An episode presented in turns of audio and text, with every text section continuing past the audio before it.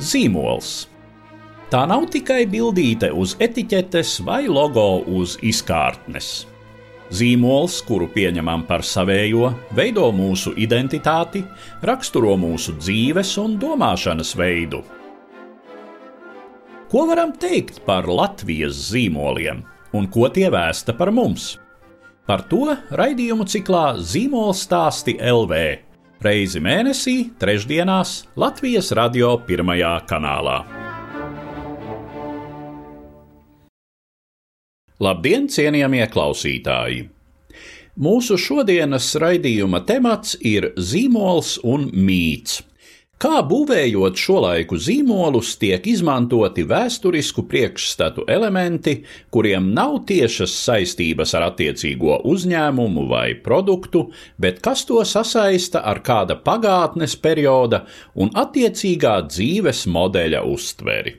Kāpēc mūsu izvēli ietekmē gada skaitlis vai attiecīgi stilizēts šrifts un attēls uz etiķetes? Par to mana tiešsaistes saruna ar smaržu blogeri un kādreizējo reklāmas aģentūras Sāčī and Sāčī radošo direktori Mariku Rozenbergu un reklāmas aģentūras Nord DDB Rīga radošo direktoru Vairis Strazdu.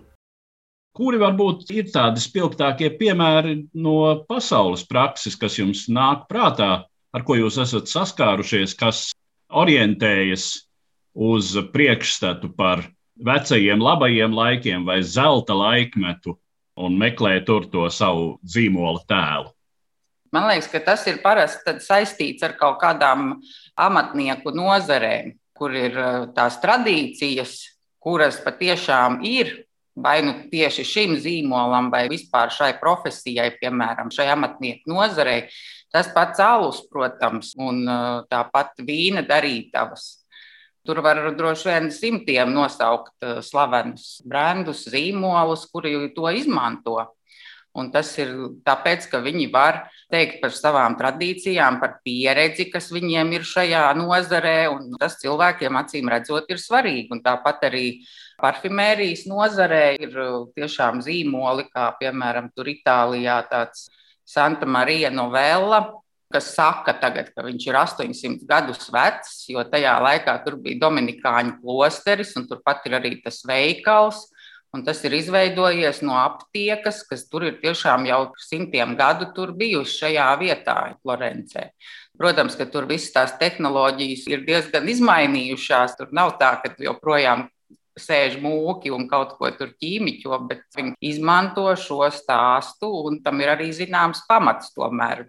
Es domāju, ka kaut kādā ziņā tā vēlme pēc vēstures ir pavisam arī pragmatiska. Ja tu vari apliecināt, ka tev ir pieredze, kur ir krājusies gadu desmitiem, un tādā veidā tu esi audzējis to savu biznesu un, un savu produktu, attīstījis, visticamāk, kaut ko saproti savā nozarē. Un tas nav tikai, domāju, ar tiem baudāmajiem zīmoliem, bet arī visnotaļ tehniski gan autobūvē, gan um, fototehnikā. Tie zīmoli, kuriem ir kaut kas rādāms un atgādināms par savu vēsturi, viņi no tā nekautrējas. Un uh, neatkarīgi no tā, kā šobrīd varbūt tas uzņēmums ir mainījies un uh, cik atšķirīgs tas piedāvājums ir no tā, kāds viņš bija pirmsākumos, tas sākotnējais nosaukums un vizuālā identitāte joprojām ir atpazīstama. Vienalga, vai tas būtu BMW vai Canons vai Leica vai nu, vēl citu kaut kādu ražotāju. Bet runājot par Latviju, droši vien, ka mums ir vairāk tāda vēsturiska pamata vēlēties atgriezties kaut kur, eh, jo, ja mēs domājam par mūsu kaut vai tādu politisko spektru un to, kā tad partijas sevi pozicionē, tad tur arī droši vien šim gada skaitlim, kur partija var pielikt pie sava vārda, ir visnotaļ nozīme. Lai gan Atkal, ja tā domā, cik tas ir, kuram nesis panākumus un eh, kādas reālas politiskas dividendes pelnījis, tad tas ir ļoti pretrunīgs jautājums. Teiksim, Latviešu sociāldemokrāti par spīti savai ļoti cienījamajai vēsturei tā arī pēc neatkarības atjaunošanas faktiski neizdzīvoja. Un tas labais piemērs varbūt politiskas konjunktūras ziņā ir zaļie zemnieki. Bet eh, nu, Latvijas gadījumā mums ir šī pagātne, kura tika mums atņemta un kurā tā vēlēšanās atgriezties ir eh, no tādas sabiedrības, arī vēsturiskās atmiņas viedokļa ļoti saprotama. Un par to jau mēs arī esam runājuši mūsu iepriekšējās sarunās ar citiem sarunbiedriem, ka tie zīmoli, kam ir šī reālā pagātnes pieredze, tie ir um, patiešām to daudzos gadījumos pozitīvi izmantojuši. Nu, un tiem, kuriem reāli nav, ir saprotama vēlme šai pagātnē tā vai citādi arī sevi piepulcināt. Es, starp citu, tā inventarizējot pats savus priekšstatus, vēl padomju laikā domājot un tā sapņojot par to, kāda tad varētu būt atjaunotā Latvija, tad tas vizualizējās diezgan precīzi ķūzes šokolādes kafejnīcā uz Jēkabielas. Bet paskatoties uz tiem Latvijas zīmoliem, te arī laikam mēs redzam tādu patiešām saistību ar tiem produktiem, kam ir uh, šī amatnieciskuma pieskaņa, vai ne? Drīkst es vispirms pakomentēšu par to, ko tu teici par to retro nostalģiju un par tiem senajiem Latvijas labajiem laikiem. Tas jau vispār ir tāds, ko varētu pat psiholoģiski nosaukt par uh, kaut kādu Belle Epoque sindromu, kas bija arī filmā Budija Alena Midnight in Paris, pusnakts Parīzē, ka tu ilgojies pēc kaut kādiem laikiem, kur tu neesi dzīvojis, bet par kuriem tev ir kaut kāds priekšstats, ka tad viss bija brīnišķīgi, labi, kaut kā laika gaitā arī viss tas sliktais aizmirstas. Tādā ziņā to arī izmanto tie zīmoli, kuriem kaut kādā veidā ir iespēja to vispār sasaistīt ar tiem kaut kādiem labajiem laikiem, kuros cilvēki domā, ka tad bija viss brīnišķīgi. Jā, es domāju, ka tas ir dabīgi. Marika, tu man liekas, aprakstīja pilnīgi precīzi. Un uh, droši vien, ka mūsu Latvijas situāciju pastiprina tas pārāvums, ka mums ilgu laiku ne tikai nebija pieejams tas uh, zelta laikmets vai sajūta, ka viņš tepat vien ir, bet tas pilnīgs pārāvums ar jebkādu normalitāti. Un uh, jebkas normālais bija pieejams ne tikai kaut kādā citā laikmetā, bet arī fiziski aiz citām robežām, kaut kur ļoti tālu, gan laikā, gan telpā. Un kad uh, parādījās iespēja kaut cik tam tuvoties, kaut kādai tai normalitātei un sajūtai par skaistu dzīvi, tad tā pagātne ir uh, nu, viens acīm redzams uh, avots, kur viņu smelt.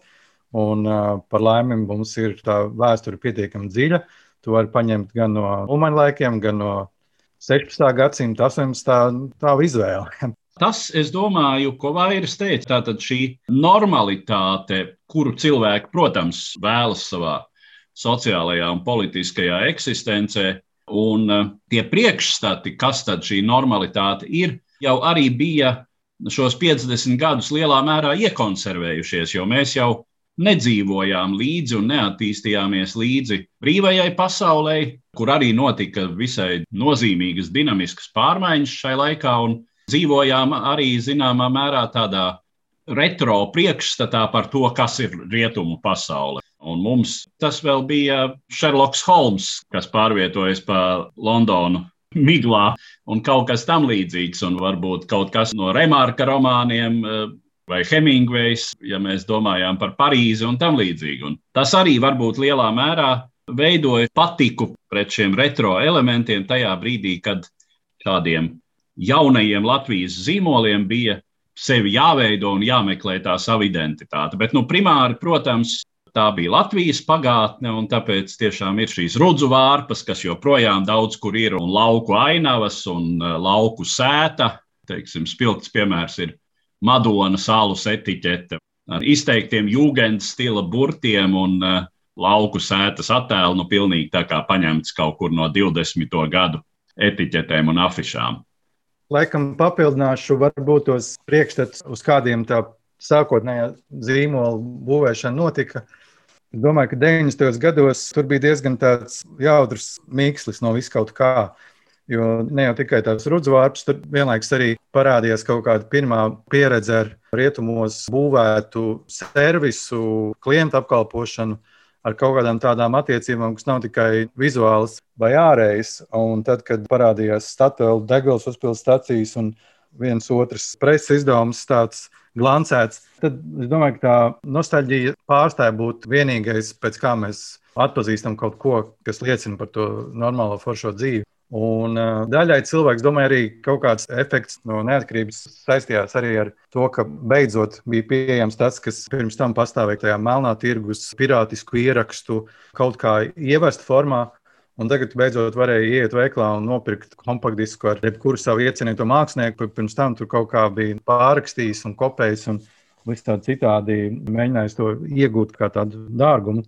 Un tas ir interesants jautājums, kurš zīmols izvēlējās to nostalģisko ceļu un kurš izvēlējās jaunbūvus. Un, uh, daži izvēlējās tādu tautisko, kādu sauc kiču, un viņš acīm redzot arī darbojās pat bez īpašas konkrētas atsauces gan uz vēsturisko laiku, gan uz konkrētām vēsturiskām artefaktiem. Kirsona Lido uzbūvēja savu zīmolu būtībā tādā visnotaļ jaunradzes ceļā. Jā, tur droši vien ir kaut kas no nostalģijas, tur ir kaut kas no arī varbūt eh, padomu priekšstat par to, kas ir garšīgi un kas ir skaisti. Tomēr tā sajūta ir, ka tas zīmols nu, ir sanācis autentisks. Neskatoties to, ka viņā ir nolasāmas eh, vesela kaudze visādu ietekmju. Un uh, visādi iespējams kultūras citāti, bet uh, tomēr tas uh, jaunradas aspekts tajā visā liekas interesantākais. Nevis atcaucas uz kaut kādu konkrētu zelta laiku vai kaut kādu konkrētu periodu. Es domāju, ka Lido veiksme ir tā, ka viņiem zīmola tā vizualitāte un viss stils ir izaudzis no galvenajiem viņu produktiem, proti, no tiem ēdieniem, kas ir tie latviešu virtuves, it kā iedomātie pamatēdieni, kartupeļi ar karbonādu un kāpostiem, vai kotleti, vai kaut ko tam līdzīgu. Ja, un, protams, ko arī viņi šobrīd piedāvā, vai piedāvātu, ja varētu strādāt ir arī ļoti daudz mūsdienīgu produktu, tad tomēr tas pamats, ar ko asociējas šis zīmols, ir tieši šie labo laiku kaut kādi ēdieni. Ja tā analizē savukārt arī labo laiku ēdienu, ja tā ļoti precīzi mēģinātu noteikt, no kurienes viņi nāk, nezinu, tas būtu tik viegli. Es domāju, tā pati slavenā kotlete, vai viņu varētu saukt par kaut kādu autentisku latviešu virtuves sastāvdaļu, droši vien, ka nē. Tas kaut kas nu, universāls un tikpat uh, atbilstošs padomu ēdnīcai kā mūsdienām. Bet tā intuitīvi mums šķiet, jā, ka Lido ir sakausējis to seno priekšstatu ar to, kas mums šodien garšo mūsdienās. Un mēs tā īpaši arī neprasām, vai tas ir autentiski, vai tas atbilst kaut kam.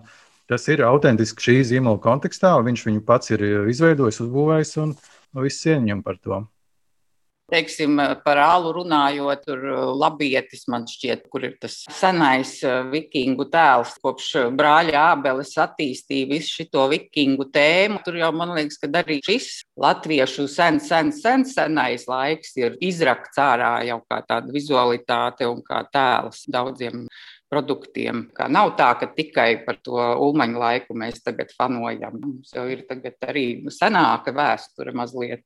Jā, taisnība, taisnība. Jā, labietis, tas ir spilgts piemērs. Man arī tas visnotaļ eh, vakar tieši dzēru pelašķu vēlnu, skatījos uz to etiķeti. Tieši tā, patiešām mītiskā pagātne, kur tīri no vēstures materiāla viedokļa mums ir pamaz to detaļu, bet varbūt eh, tieši tāpēc daudz lielāka arī tā interpretācijas iespēja. Un labietis, kurš tiešām arī savos produktos Viņi meklē kaut ko tādu patiešām īsti vēsturisku. Viņiem vienu noteikti es zinu, viņu alus šķirni, ko viņi ir eh, taisījuši pēc arheoloģiskajos materiālos, kaut kur Skandināvijā atrastas satura kādā vecā mucā, tiešām no agrajiem viduslaikiem. Tas saistās arī ar to namēju gradzena laiku, viss šis mīts par to latviešu seno varenību. Un savā ziņā īstajā brīdī daži zīmoli to uzķēra un izmantoja. Tas noteikti iet kopā ar to, kas cilvēks interesē. Nu, vispār var novērot uh, interesi par šādu raksturu filmām, lai cik viņas būtu vēsturiski patiesas, autentiskas. Tad uh, diezgan loģiski, arī tas zīmols no tā var atspērties un uh, var ietekmēties un var izmantot uh, savam biznesam. Saķeras starp kontekstu, kādā mēs patērējam jebkādus kultūras produktus, filmas, mūzika, seriāli noteikti ietekmē arī to, kā izskatās un kā garšo mūsu alus. Bet kā ir ar šo padomju laika nostalģiju? Drīzāk jau mums te jārunā par antimītu. Tātad saskatīt tur pirmām kārtām negāciju un nenoliedzami jau tas laiks arī bija negācija. Un tomēr šis atkal jau dzintara uznāciens ar diezgan izteikti padomi laika retro. Tas padomju laika retro jau ir diezgan stilizēts. Man ļoti patīk, ka viņi tajā jaunajā reklāmas kampaņā ir atmetuši to gada skaitli, kurš kādu laiku bija uzradies. Ap 2000. gadu laikam viņi sāka izmantot to 1800 eh, kaut kādu gadu, lai it kā uzsvērtu tās savas tradīcijas, bet īsti viņiem jau nebija tā pamata, jo būtībā tas gads bija radīšanas gads vienai no tām četrām firmām, kuras apvienojot radās dzintars. Tas bija, man liekas, diezgan tā piešūts baltiem diegiem, un tas arī netika visā citā zīmola komunikācijā īpaši uzsvērts. Nekāds viņš tur senatnīgs Rīgas nebija tas zīmols. Un tas, ka tagad tas gads ir atmests un vairāk viss tā komunikācija un viss tā vizualitāte iet uz tiem padomju laika retro elementiem, man tas liekas kaut kā tā pareizi. Droši vien, jā, runājot par dzintaru, vispār par dzintaru mums ir nācies runāt. Tā nu ir sakrītis šajā raidījuma ciklā vairāk kārt, tāpēc, ka tieši šobrīd iekrita tāds dramatisks moments, kad īsti nebija skaidrs, vai un kā šis zīmols vispār turpinās pastāvēt. Bet tā tad ir notikusi tāda zināma pēc neilga pārāvuma atgriešanās, un par to mēs vēl drusku runāsim.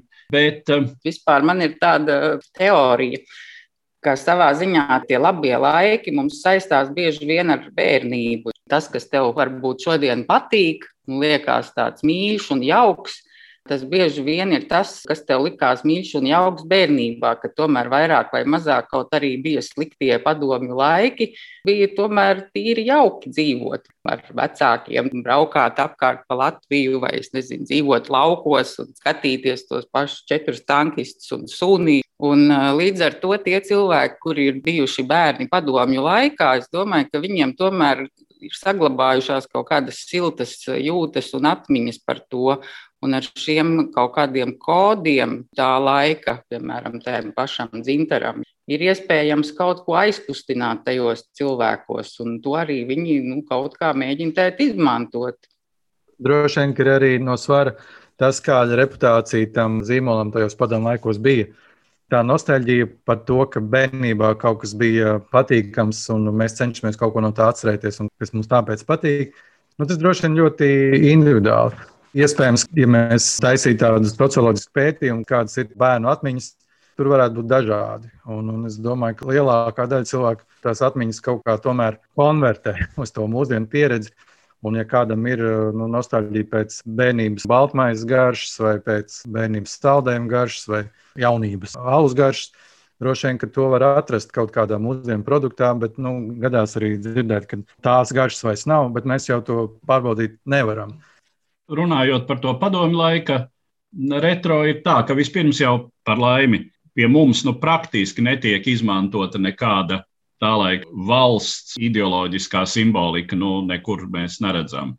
Tur sarkanu karogoto alu, kur tādi piemēri pasaulē ir. Piemēram, bijušajā Austrumvācijā pastāv tādi zīmoli ar tā sacīt, Honekera laika Vācijas nostalģiju diezgan izteiktu. Un tā laika vācu ģerboni uz etiķetes. Tajā pašā laikā te ir viens aspekts, runājot par tiem kvalitatīvajiem padomju laika produktiem, ka tie jau bija arī produkti, kuri tajā laikā apliecināja to mūsu tomēr citādību un, zināmā mērā, arī pretstāvēšanu tai vispārējai padomju, kā saka, šļurai, kas bija ar sliktu kvalitāti, vienveidīga, neglīta un tā tālāk. Tad tāds Latvijas alus, kas tomēr bija kvalitatīvs. Un arī tā pati dzintara parfimērija kosmētika, kura kotējās visā Padomju Savienībā, un tā bija tā, zināmā mērā, arī Latvijas kā padomju rietumu tēla veidotāja. Pamatā, protams, es arī domājot par šo tēmu, koncentrējos uz to retrospektīvo mītu, bet nu, ir jau iespējams arī perspektīvais mīts. Tas ir priekšstati par nākotni, kas būs noteikti labāka nekā pagātne, par neizbēgamo progresu. Latvijā mums, es nezinu, jums nāk prātā kāds tāds izteikts piemērs, kas savu identitāti būvētu šādā veidā. Es varētu teikt, ka Latvijas mobilais telefons ir uh, viens diezgan uzskatāms piemērs par to, ka tāds uh, patriotisms un nacionāla zīmola status, kas viņam, manuprāt, ir vienlaikus sadzīvo ar to tehnoloģisko komponentu. Un, uh, viņi veidojuši mūsu mobilo tīklu un, un mūsdienu interneta pieredzi visnotaļ aktīvi pēdējos, drīz laikam būs 30 gadi. Un tajā pašā laikā, jā, viņi ir patriotiski. Un, uh, tas stāsts, kā tas sadzīvo, ka patriotismam nav obligāti jābūt tautas tērpi, dēļas un pavisam senā vēsture, kāds sadzīvo ar tehnoloģijām, droši vien ir kaut kāds interesants fenomens. Taisnība, ka tādu nav daudz, vai vispār grūti arī pat tā viņus izvilkt un nosaukt. Jo daudzos gadījumos šķiet, ka tajā brīdī, kad tu izvēlējies apzināti būt mūsdienīgs, progresīvs, tehnoloģisks, tad tas latviskais vienkārši tur neturās klāt un krīt nost. Ja, un tur nav nekāda kompromisa iespējama.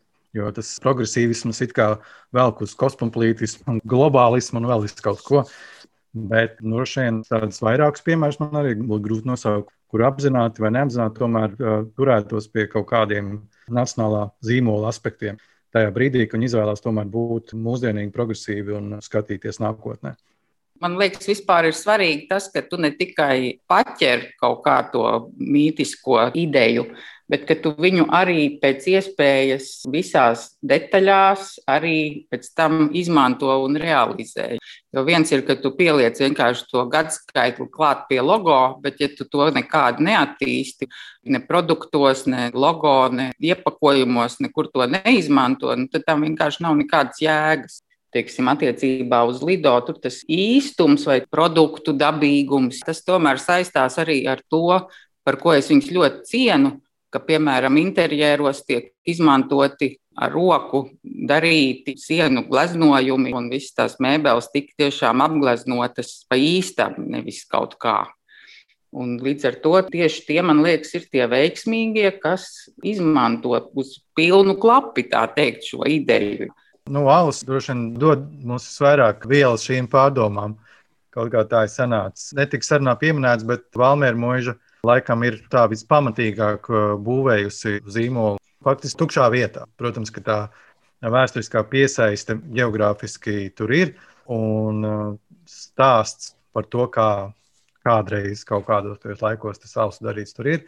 Bet šā vai tā, tas mīts tur ir uh, būvēts pamatīgi. Un, un arī nav aprobežojies tikai ar dzērienu, bet arī ir gan tā vieta attīstījusies, gan tie saistītie produkti, gan arī kaut kādi principi jā, ir jūtami, ar ko šī darītava sadarbojas, kā uzvedas visplašākajā nozīmē.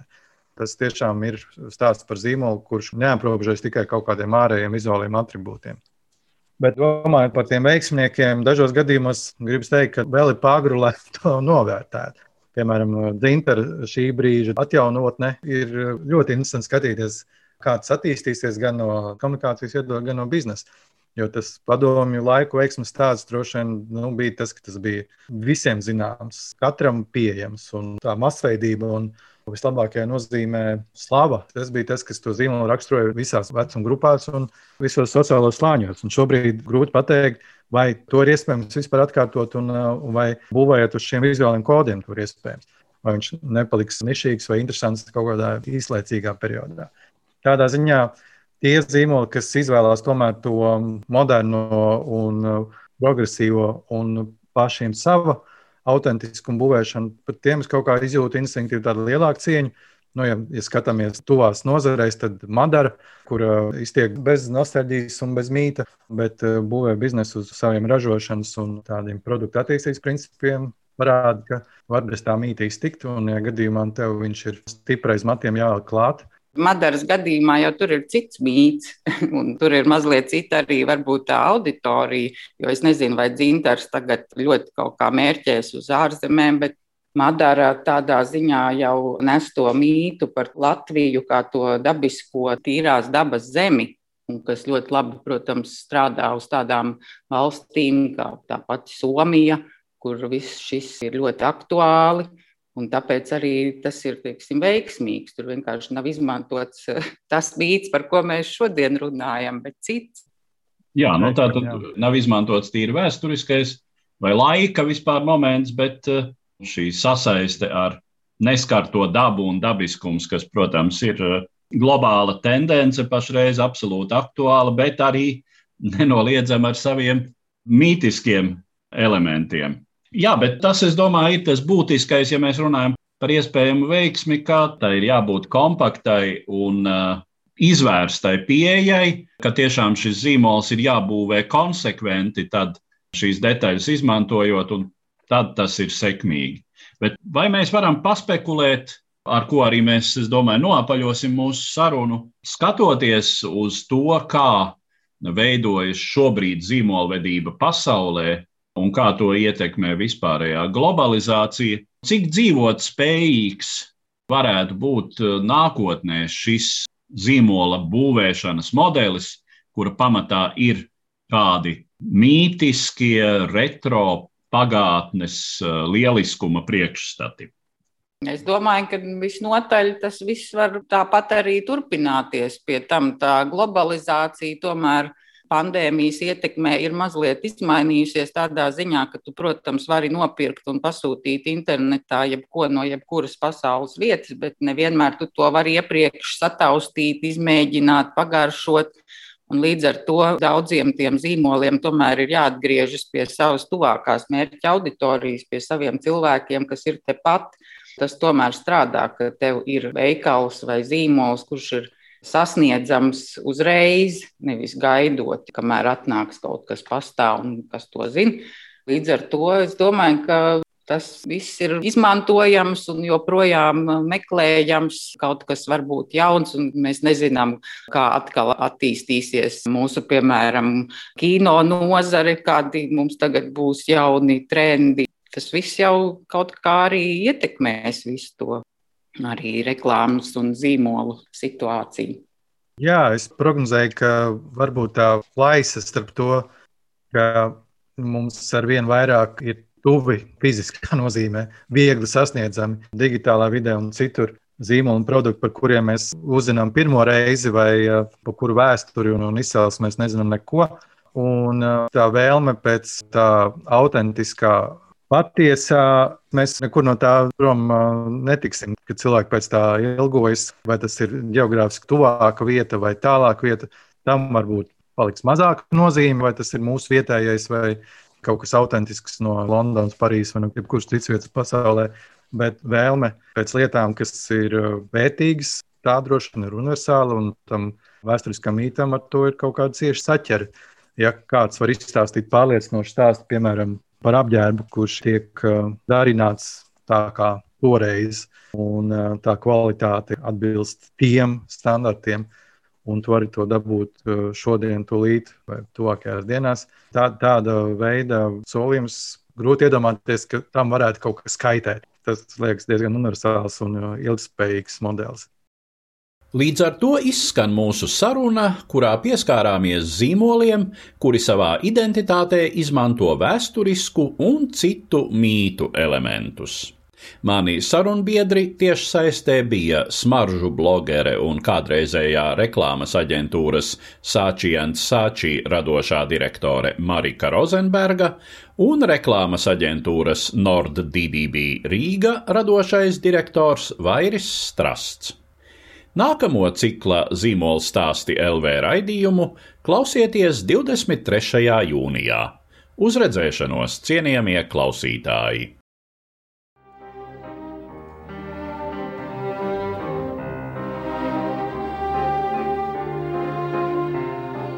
Ko varam teikt par Latvijas zīmoliem un ko tie vēsta par mums?